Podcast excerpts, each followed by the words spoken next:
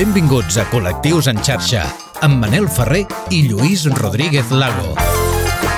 Benvinguts i benvingudes al Col·lectius en xarxa. Avui ens endinsem en el món obscur dels trastorns de la conducta alimentària, un tema que, segons els estudis, no afecta a tothom de la mateixa manera i que sovint associem només a les dones, Lluís. Bon any, Manel. Bon any, Lluís. Ens tornem a trobar. Tornem a tenir aquí el premi. Fa molt temps que no diem Sí, que, que vam guanyar un premi, eh? És veritat, i sembla com molt lluny i no fa tampoc tant. Escolta, aquest 2022 en podem guanyar un altre. Vinga, va. O més d'un. O més d'un, vinga. Aquí ho deixem, també. Va. Clar que sí. Ens hi posem amb els, amb els trastorns de conducta alimentària. Avui intentarem aportar dades, trencar falsos mites i, com sempre, parlar amb un testimoni que viu en primera persona, en aquest cas l'anorèxia nerviosa. Avui tenim per davant un d'aquells capítols del Col·lectius en xarxa una mica durs i amb el que ens proposem donar veu i posar damunt de la taula un tema difícil de que, del que, com a col·lectiu, n'hem de fer molta autocrítica. Uh -huh. Avui, al Col·lectius en xarxa, els, Els TCA.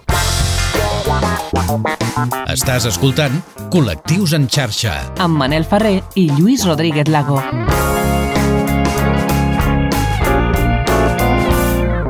Volem aprofitar que avui al Col·lectius en xarxa parlem dels trastorns de la conducta alimentària per recordar-vos que la Marató de TV3 d'enguany tractava de les malalties mentals i que encara hi podeu eh, seguir col·laborant. Eh? Això mateix.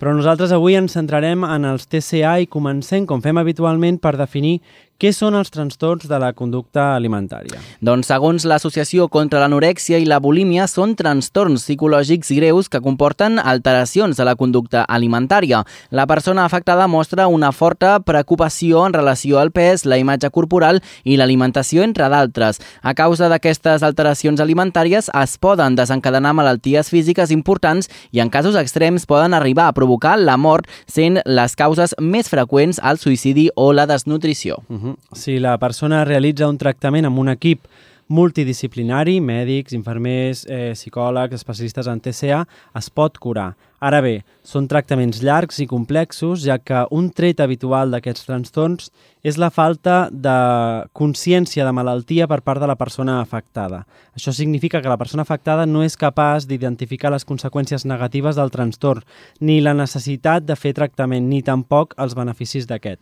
Aquest fet dificulta l'adherència al tractament en alguns casos. I la pregunta que ens fem ara, quins uh Mhm. -huh. tipus de trastorns d'alimentació coneixem? Doncs, en primer lloc, parlem de l'anorèxia nerviosa. Les persones amb, amb anorèxia nerviosa estan eh, incapacitades o no estan disposades a mantenir un pes corporal normal o esperat per una persona de la seva edat i alçada. Això pot voler dir que la persona arribi a passar menys del 85% del pes corporal esperat. Fins uh -huh. i tot, encara estant baix de pes, la persona amb anorèxia nerviosa continua tenint por d'augmentar el pes. Els seus pensaments i sentiments sobre la seva talla i la seva figura tenen un impacte profund en la seva autoestima. Usualment no reconeixen o no volen admetre la gravetat de la seva pèrdua de pes i neguen que la seva pèrdua de pes sí pugui tenir conseqüències adverses permanents per la seva salut. Per les persones que menstruen, un dels possibles símptomes de patir aquesta anorèxia nerviosa pot ser deixar de menstruar uh -huh. fins i tot. No? Hi ha dos tipus d'anorèxia nerviosa, el tipus eh, restrictiu, les persones mm, mantenen un pes corporal baix, majoritàriament restringint el consum d'aliments i possiblement també per mitjà de l'exercici. Les persones amb el tipus fartanera o purgativa igualment restringeixen el consum d'aliments però també tenen regularment fartaneres o conductes d'eliminació com la inducció al vòmit o l'ús excessiu de laxants, diurètics o enemes. Moltes persones durant el curs de la seva condició poden fluctuar entre un subtipus i un altre. Uh -huh. Un altre tipus és la bulímia nerviosa. Les persones amb bulímia nerviosa experimenten episodis que es caracteritzen pel consum d'una gran quantitat de menjar, usualment en un període curt de temps i amb el sentit de pèrdua de control durant l'episodi. El sentit de pèrdua de control és el que distingeix d'aquest tipus eh, d'episodis del fet de menjar en excés. Aquests episodis són seguits per intents de desfer les conseqüències dels mateixos usant pràctiques eh, compensatòries no saludables com a inducció del vòmit, l'ús excessiu de laxants, enemes i diurètics, dejunis i exercicis excessius. Hi ha dos tipus de bulímia nerviosa. Els subtipus eh, purgatius inclou aquelles persones que s'indueixen al vòmit o usen laxants o diurètics, entre altres. Conductes. El subtipus no purgatiu es refereix a aquelles persones que utilitzen conductes compensatòries com l'exercici excessiu, dietes o també els dejunis. I després vindrien els trastorns alimentaris no específics. No? Hi ha moltes variants de TCAs que no s'inclouen en les categories específiques de l'anorèxia nerviosa, com hem parlat abans, o la bulímia nerviosa.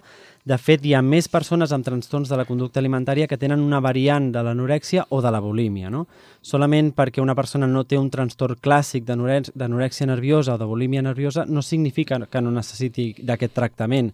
Les persones amb conductes distorsionades de l'alimentació, amb símptomes similars als de l'anorèxia o els de la bulímia, però que no compleixen un dels criteris essencials per l'anorèxia i per la bulímia, poden ser diagnosticades amb un TAN, amb un trastorn alimentari no especificat. Uh -huh.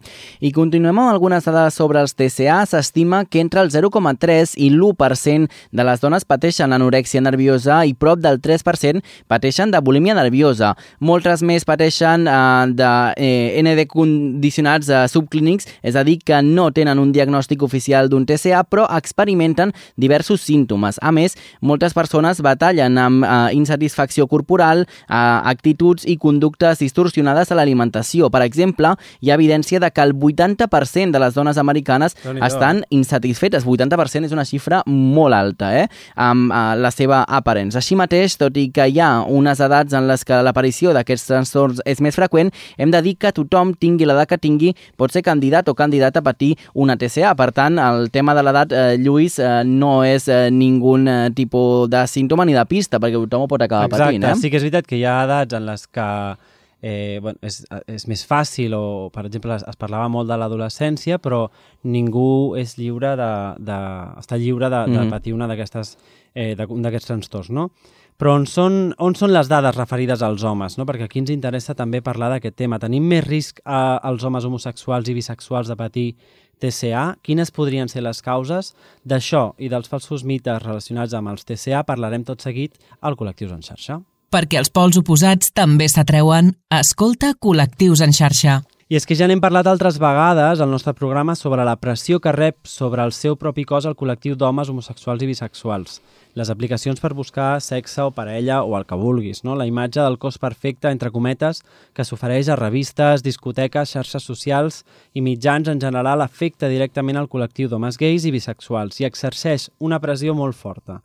Ho veiem, per exemple, amb la persecució constant per aconseguir cossos més musculats i la idea tradicional eh, de la masculinitat. I alguns estudis assenyalen l'homosexualitat i la bisexualitat en homes com un factor de risc en l'origen i desenvolupament dels TA. De fet, un estudi realitzat l'any 2000 ens eh, ja assenyalava que en comparació amb els homes heterosexuals la simptomologia alimentària era fins a 10 vegades major en homes gais. 10 vegades més, eh? Uh Mhm. -huh. I és curiós perquè aquests mateixos estudis respecte a les dones lesbianes o bisexuals, encara que existeixen certes contradiccions, asseguren que l'homosexualitat i la bisexualitat podrien ser un factor protector a l'hora de desenvolupar un trastorn alimentari en comparació a les dones heterosexuals. De fet, els estudis revelen que les dones lesbianes presenten una menor internalització dels criteris socials de bellesa. De fet, un estudi realitzat el 2009 ens confirma que les dones lesbianes presentaven menor vulner vulnerabilitat a presentar insatisfacció amb la seva imatge corporal o a dur a terme con conductes de control de pes. En el cas de les persones del col·lectiu, en general, factors eh, estressants com la falta d'acceptació, l'assetjament, el rebuig i la violència física generen nivells més alts d'ansietat i depressió. Això, al seu torn, pot fomentar el desenvolupament de mecanismes d'afrontament poc saludables o disfuncionals, com poden ser les conductes desordenades amb el menjar. També la violència, la discriminació, l'assetjament, la solitud, la pressió familiar, l'exclusió a l'escola, etc., són més freqüents en la comunitat LGBTI que eh, pateix el que s'ha denominat eh, estrès de minories, un tipus d'estrès concretament associat a la pertinença a un grup social estigmatitzat. Així doncs, els TCA pot ser una manera d'intentar lluitar amb aquests eh, fets estressants i s'intenten pal·liar els danys produïts per l'estigma a través del control del pes o s'intenta obtenir aquesta validació a través de la seva modificació. Un exemple d'això és l'intent, com dèiem, per part dels homes gais i bisexuals de modificar el seu cos amb conductes que poden posar en risc la seva salut. Sembla ser que al mateix temps que es produeixen taxes més altes de persones afectades per trastorns alimentaris entre joves eh, LGTBIQ i més, la seva taxa de tractament també és més baixa. La discriminació, la falta de l'atenció sanitària adequada, la falta de suport familiar i sobretot social i la falta d'informació sobre signes, detonants i símptomes de trastorns alimentaris específics d'aquest col·lectiu actuen com a barreres per les persones que busquen tractament i suport. I dèiem que sobretot social, perquè penso que en el col·lectiu estem en alguns casos normalitzant conductes poc sanes en general, no? Uh -huh. no? No només en relació als hàbits d'alimentació, podríem parlar també de la romantització del consum de drogues no? o sí. de pràctiques sexuals que poden implicar riscos. Tornant als TCA, aquest culte al cos s'instal·la a la ment de l'home gay o bisexual, produint un grandíssim descontentament amb la nostra imatge corporal real i l'ideal que se'ns marca per tots aquests agents externs. El pitjor d'això és que mentre dediquem temps a resoldre aquests temes, no en podem dedicar d'altres. Aquest estereotip gay s'ha compartit a nivell social i hi ha qui parla fins i tot de l'anatomia gay, fixa't. I llavors apareix aquell mite que diu que l'home homosexual es cuida més que l'home heterosexual i que per tant això implica que l'home gay ha de mirar més per la seva imatge, s'ha de cuidar en el que mengi i ha de fer exercici i ha de vestir a la moda. No? Al final, les expectatives exagerades i una gran sobreexigència dins del propi col·lectiu desencadena desafortunadament una sèrie de creences irracionals relacionades amb la imatge del cos. I per acabar aquesta secció parlem ara dels falsos mites relacionats amb l'anorèxia, que és el cas que ens parlarà el nostre convidat d'aquí uns uh, instants. Uh -huh. L'anorèxia és cosa de dones, per exemple, no? Uh -huh. Fals. No? L'anorèxia és masculina, és una minoria, però existeix. També un altre, qui pateix anorèxia està molt prim. És fals, tot i que és habitual, no sempre ha de ser així. No sempre és així. Les persones, un altre, amb anorèxia no mengen. Fals. Les persones amb anorèxia poden menjar, però ho fan d'una manera gens saludable. Es poden donar casos d'ingestes compulsives o restrictives. I un altre, de fet, eh, Lluís, els estem comentant, però és veritat que moltes les hem anat sentint mm -hmm. amb el mhm. pas eh, del temps. Eh? L'anorèxia no es cura, és fals, i hi ha una recuperació física i una mental amb el que el tractament adequat moltes persones han aconseguit superar. És a dir, que eh, tot eh, tractant-se, no? amb mm -hmm. paciència també, amb paciència. lògicament, però es pot arribar a superar. Exacte, perquè hi ha el, la recuperació física i després la mental. No? I l'anorèxia uh -huh. i els TCA en general no són perillosos, que és una cosa que això acostumem a banalitzar. Si la persona menja, ja està, dèiem. No? En realitat són malalties mentals molt sèries i concretament l'anorèxia té l'índex de mortalitat més elevat entre els TCA. Segueix-nos a les xarxes. Busca'ns i recupera tots els nostres programes, imatges i vídeos exclusius. Col·lectius en xarxa, a Twitter, Instagram i a les principals plataformes de podcasting.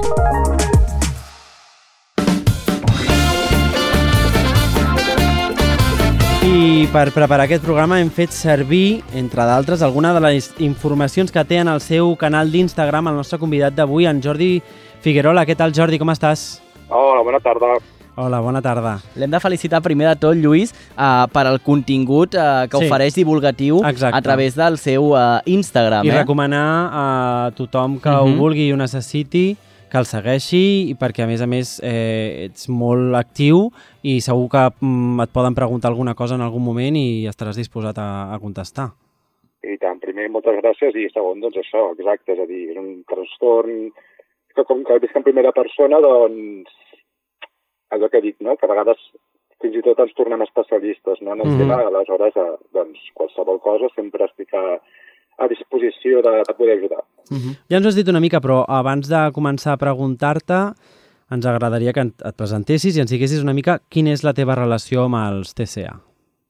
Molt bé, doncs, bueno, jo treballo com a, com a professor de secundària, per tant també estic molt en contacte amb adolescents i això doncs, eh, també em fa veure no, la realitat aquesta dels trastorns alimentaris. I, bueno, i també arran del meu ingrés a Hospital de Dia, que de fa dos anys doncs, vaig començar a estudiar psicologia, i ara, doncs, entre mil projectes tinc al cap, també vull poder, doncs, això, no? ajudar persones, cosa que abans m'era totalment impossible perquè el trastorn, no sé, m'ho negava o m'invalidava no? com a persona. I la relació que tinc, doncs, amb el TCA, bueno, justament amb la, amb l'anorèxia no? nerviosa, eh, és una relació de respecte, no? Jo, jo, sempre, jo, jo li dic que, jo li dic la donya, a part de, de, perquè a vegades parlo amb ella i li dic la donya, i doncs acostuma no, a enviar aquests, uns missatges bastant fulminants i agressius, Però bueno, és una cosa que ja he après ja, diguéssim, escoltar-la i poder veure tots els comentaris que fa i aleshores jo ja amb amabilitat ara sí que ja sóc capaç de d'aturar-la, tot i que a vegades també hi ha aquells dies que doncs, tens el dia per enfadar-te i t'enfades, no? Uh I, -huh. i, i ho pateixes. I aquesta relació, doncs res, present fins fa dos anys, no? que era una relació tòxica, no? on em dominava totalment ella, la, la ment, diguéssim, no? I jo era, doncs, el substitut ella. Doncs, el substitut ella des de fa 20 anys. 20 anys on, on m'ha dominat, una mala relació amb el cos, amb la ment, i, i tal com heu dit, no? L'anorèxia no és un problema alimentari en si, no? sinó que, que és el que creu molta gent, uh, és doncs, realment un, un, trastorn, un trastorn mental, no? i per banda també, clar, hi ha totes les uh, l'autoestima, les inseguretats, les pors, no? les uh, falses creences, els autojudicis, por el que diran, uh, i doncs tot va sempre doncs, això, no? doncs, enfocat una miqueta a l'exterior. Sempre mires, és un trastorn que et fa mirar, que és, a part de mentider, et fa mirar sempre aquest exterior. No? Mhm. De fet, eh, Jordi, ara el Lluís fa una estona ens eh, comentava que un dels eh, perills, hi ha molts, però d'aquest trastorn és que la pròpia persona, o en molts casos, no n'és conscient no? d'aquest propi trastorn fins que eh, mm, vaja, ja és molt evident o es posa en tractament amb algú que l'ajuda. No? Segurament un dels perills, no estàs tu d'acord, és que la persona en un primer moment i durant molt de temps no n'és conscient de que té un problema. Sí, gairebé no ets conscient fins que eh, estàs al límit o, o en tractament. I de vegades estàs en tractament i, i tampoc ets conscient no? del, Uh -huh. del perill que pot... Realment de, del perill que estàs posant a la teva vida, el risc que poses a la teva a la, a la, a la vida d'una persona, no? I és, Clar. Sí, sí, perquè és, és com he dit abans, és un, és un trastorn totalment mentider i a més si el sumem en els homes, doncs clar, és eh, amb molt estigma, no? Té molta, molta estima al darrere i és un problema doncs, que, que, que es nega, no? que negues, que dius, no, això a mi no m'està passant, això no em pot passar a mi, i, i, bueno, i, i, i, i, és, i sí que passa, sí que passa en homes, doncs aquí Mhm. teniu la prova i, i, Mhm. i, i d'altres que en conec. És a dir, Mm. Per, doncs parlem una mica d'això que deies, no? Perquè em, els TCA en homes, a tu, com hem parlat una mica abans de, de, durant aquesta setmana, mentre preparàvem el programa, tu em deies que et molesta que es parli de- d'una minoria, no? d'aquesta Sí. minoria dels homes que pateixen els TCA. Explica'ns. Sí. Uh, jo sempre dic que veure, la paraula minoria uh, fora de, de context uh, no té cap, eh, és a dir, no, no té cap connotació negativa, Uh -huh. però uh, posada en un context on ja és, parlant ja de salut mental, que la salut mental ja prou estigmatitzada o, o prou tabús, millor Mhm. dit, té, no? Uh -huh. ho sumem no, a, a un trastorn alimentari considerat no, de, de dones, per tant, que tota la informació fins fa poc eh, era gairebé tot en femení, que, per tant, clar, lo, la, tu com a home ja rebutges no, que allò t'estigui passant, i, i aleshores, clar, en aquest cas, si nosaltres utilitzem la paraula minoria, doncs què passa? Que realment és això, no? Tu ja tens un, un trastorn mental, doncs si a més a més llegeixes minoria, doncs dius, òbviament, doncs jo no, jo no formo part d'aquesta minoria, no puc formar part d'aquesta minoria perquè això només passa a les dones i com que és una minoria, doncs ah, només faltaria que a mi Que m'hagués tocat això, a mi, no? Exacte. Mhm, mhm. Aleshores, eh, és, és una paraula que, ostres, a mi, a mi, a mi personalment eh, em molesta, em molesta, no? Mhm. per, per, per això, no, no perquè la paraula sigui negativa, eh, sinó pel, Mhm. en, el, en el context en què està, en què està, en què està posada, no? Mhm. I, però bueno, uh, ja, ja, jo ja em vaig queixant i ja, ja, Clar. ja, ja fan el que puguin. Ara, eh, Jordi, ens eh, explicaves eh, o parlàvem de com la persona se n'adona o no que pateix aquest eh, trastorn, però parlant també del sistema sanitari, està prou preparat aquest sistema sanitari eh, per atendre les persones amb un TCA i per detectar també eh, aquests eh, casos? És a dir, eh, estan prou formats o creus que encara es podria fer un pas més? A veure, primer de tot, el sistema sanitari actualment està col·lapsat, per Mhm. tant, és, és, això és evident, i, i, i a més a més, si parlem de salut mental, mmm, quan anem al metge, al metge capçalera, per exemple, hi ha Mhm. molts metges de capçalera que, no, mm, sento dir-ho així, però no tenen ni idea i, i donen la seva opinió, i fins i tot a mi m'han dit casos, és a dir, jo a través del meu compte doncs, hi ha mares i pares que m'han comentat no? que han, han portat el, seu, el, el fill al, al metge o la filla al metge, -huh. bueno, clar, i, i l'únic que fan el metge és pesar, no? I, i tot ho basen amb el pes. I quan parlem d'un trastorn alimentari, no només hem de tenir en compte el pes. El pes no, no, no, no és, eh, pot ser una de les conseqüències, no? però no és la causa del, del, del trastorn. Uh -huh. Mm -hmm. I això és, una, és una, una, un error que molts metges eh, no especialistes en trastorns alimentaris no? o en salut mental doncs, doncs eh,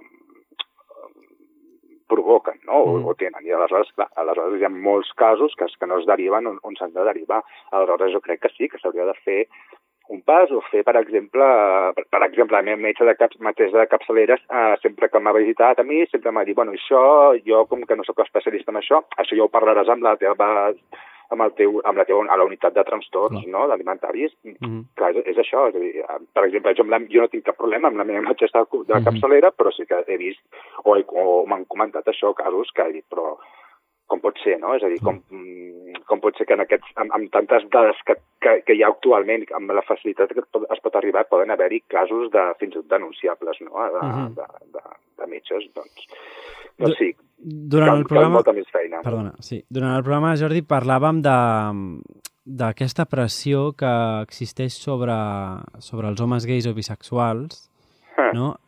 I, i so, sobre la, la, les, la imatge la, que s'ha de transmetre, exacte, no? la imatge i la, la, el voler aconseguir aquest cos, entre cometes, perfecte. Tu creus que aquesta pressió existeix? Uh, aquí, aquí em deixaré anar perquè és un, és un tema que mm, porto molts anys amagant, o sigui, amagant, uh, aguantant, i, uh -huh. i ara que tinc l'oportunitat, doncs mira... Uh, Són teus els micros, eh? Per és, tant... És el meu moment, és el, és el meu moment, per, I tant, és a dir, i tant que existeix aquesta pressió, i trobo que, i trobo que també ho heu explicat molt bé amb dades que, bueno, jo fins i tot desconeixia. Però, com heu comentat, és un, aquest curs del cos, no?, i el judici que se'n fa, mm, que se'n fa, realment pot fer molt de mal aquest, aquest judici, no? I no ens, adim, no ens adonem fins a, fins a quin punt i, i ja no només perquè pot convertir-se en un, o transformar-se en un trastorn alimentari, no? Uh, perquè per això ja, perquè, perquè hi és un trastorn, hi ha d'haver-hi diversos factors, però sinó, perquè qualsevol pot ser víctima d'aquest atac gratuït sobre, sobre el cos, no? I sense tenir en compte doncs, el, el, el que hi ha darrere d'aquesta persona, no? Uh -huh. I a banda, i perdoneu ara si sóc una mica, una mica dur, però recordo que vau fer el programa que es deia etiquetes sí, etiquetes no. Uh -huh. Que vau dir, ara no sé com era, però que hi havia com, com eh, homosexuals de primera categoria, no sé com ho vau sí, dir, sí, però sí, sí, era... sí, alguna no? cosa així vam dir. Sí, que, sí que, homosexuals ja... de primera, i, i jo, jo quan vaig sentir allò, uh, realment, eh, és a dir, uh, se'm va caure la cara de vergonya, o sigui, era... Mm, perquè jo pensava, ostres, un col·lectiu, no?, que, que, que lluita, no? ja ha lluitat no? per, per, la, per, no, per, no, per la no discriminació, diguéssim, i si ens aturem a, a pensar, és, és el propi col·lectiu, no? és el que està jutjant, pressionant i etiquetant com hem de ser. No? Uh -huh. I aleshores, aleshores aquí està molt clar que, bueno, doncs, a vegades penso que és el propi eh, col·lectiu que està discriminant, no? I ja prou vivim en una societat on les dietes d'aquelles miracles, no? O, el, o, o passen no sé quantes hores al gimnàs i, i, i, i és, el, és el que mana, no és el que, és el que rebem, no? I, uh -huh. i a més a través de, de les aplicacions, que òbviament jo ja no utilitzo pel meu bé físic i pel meu bé mental, um, on lliurement ara no sé com funcionaran, però bueno, clar, on lliurement s'opinava no? I, i, i, i, i de vegades de manera crua sobre l'aspecte físic de, de, de, de, de la gent, no? Mm. I clar, és com, no sé, i amb això amb, no vull que se m'interpreti sobretot, sobretot la part del gimnàs, no? perquè una cosa és anar-hi de forma saludable mm -hmm. i una altra és anar de forma obsessiva. Mm -hmm. val? I, de fet, les persones que patim un trastorn alimentari eh, acostumem a ser persones perfeccionistes, autoexigents i amb obsessions, no? bueno, que és el que treballem sobretot a, a teràpia. Mm -hmm. Mm -hmm. Jordi, ens agrada tant- molt perquè uh, en, ens escoltes no? i vas coneixent els nostres uh, programes, per tant, és una cosa que ens agrada molt que ens uh, vagis seguint. Et volíem fer, res, uh, dos uh, qüestions uh, breus per acabar perquè ens dongui temps de, de poder-les uh, colar. La primera, parlàvem de com tu a les xarxes uh, socials doncs d'alguna manera fas divulgació o poses molts exemples i ho expliques, però també les xarxes socials en algun moment d'aquest trastorn uh, també poden arribar a ser nocives, no? perquè també s'acaben creant comunitats uh, i grups de, de persones que al final, més que bé, acaben d'anar pitjor, no? No sé si t'has trobat tu. Clar, és a dir, jo, amb la, amb les, és a dir jo, jo com vaig crear la meva, el meu compte d'anorèxia masculina vaig tenir molt clar l'objectiu que jo volia i, i, i, i, i, i, el, i el que jo vull transmetre, no? És a dir, jo no vull transmetre mai mm, doncs, ni, ni, ni, ni, ni quin tipus de restriccions jo feia, ni, ni, ni el meu pes que jo vaig arribar. No, tot això penso mm. que és informació que no cal, no? Mm. És a dir, jo el que vull és ajudar i punt. Ara bé, hi ha unes pàgines o hi ha, que es diuen Proana i Promia, sobretot, no? Sí. que, eh, que són denunciables. No? Doncs aquesta, aquestes pàgines van a favor, no? diguéssim, de, del que és la Proana, que seria l'anorèxia, i la Promia, que seria la bulímia, Uh -huh. i, i, i bueno, però és que expliquen barbaritats. I que es fan curses de pes i coses eh, molt, molt Mm. eh, estranyes que lògicament doncs aquí tampoc Eh, eh, fomentarem però que No, existeixen. hem parlat de la banalització Mm. de- de- d'aquestes- d'aquests trastorns i jo et volia preguntar si creus que necessitem eh, que, la, que la informació o la- l'educació sobre l'alimentació ens arribi per canals més formals, perquè jo si parlo de la meva experiència, jo et podria dir, a mi em va ajudar molt que algú m'ajudés a, a, a menjar bé i a saber com havia de menjar i a, i a veure que el meu cos responia d'una forma. Exacte, és a dir, a, mm, jo ara perquè ja porto molta consciència i soc molt conscient de tot i, i quan a vegades ja fins i tot obro Instagram ja que t'apareix allò la publicitat, Mm. uh, clar, em, uh, perd pes i, i, penso, mira, mm, què m'estàs és a dir- no, què m'estàs di- què m'estàs dient? És a dir, és com, és, és barbari, barbaritats, no? I aleshores, clar, eh, sí que ens hem d'informar, és a dir, per exemple, no? doncs, ostres, si dubtem, si volem informació, doncs ja hi ha els, uns nutricionistes amb qualitat, no? Mhm. Qua- qualificats, que, que Mhm. ens poden ajudar amb tot això, no? I a banda, i aquí ara ja potser ja parlo com a professor, doncs crec que eh, eh, jo, a mi em falta no, a l'escola aquesta, eh, aquest ensenyament no, de, mm, tant d'educació nutricional com de nutri- de- d'educació emocional, eh, fins i tot educació sexual, no? una, una miqueta que, que, que ens ajudi, que ajudi també no? a, a poder ensenyar com és aquesta bona alimentació amb tots els nutrients, no estigmatitzar els, els, els, els nutrients, no? perquè tots tenim al cap hidrats de carboni, bueno, jo, és el que jo tenia al cap, no? hidrats de carboni, li poses el mite de que és dolent Mhm. i clar, i això ja et genera aquí un, un odi cap a, aquest, cap a aquest nutrient i després te n'adones que és necessari per poder. Desenvolupar-te, clar. Mm. Exacte, no? Doncs uh, Jordi Figuerola, moltíssimes gràcies uh, per haver-nos acompanyat, uh, per uh, ser tan generós també, eh? perquè a vegades uh, parlar d'un mateix doncs, uh, costa i tu ho fas uh, molt bé i ens ho has uh, explicat uh, molt bé i gràcies i fins la propera. A vosaltres, moltes gràcies. Que vagi molt bé. Adéu, Gràcies. Lluís. Uh, tema interessant i que segurament donaria per una altra uh, entrega, no? d'aquests Mhm. que tenen doble volum. Sí. Uh, marxem amb música, això sí, va.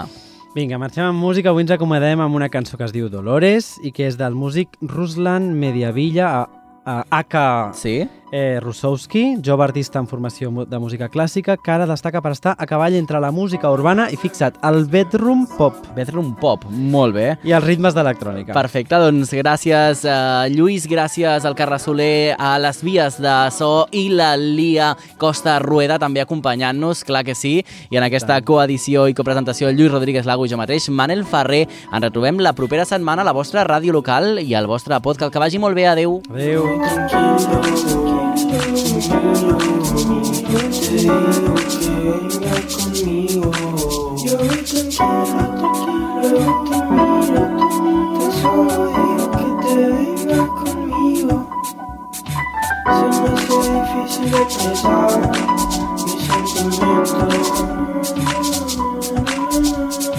Se me hace difícil expresar mis sentimientos. Hace difícil expresar mis sentimientos. Se me hace difícil expresar mis sentimientos.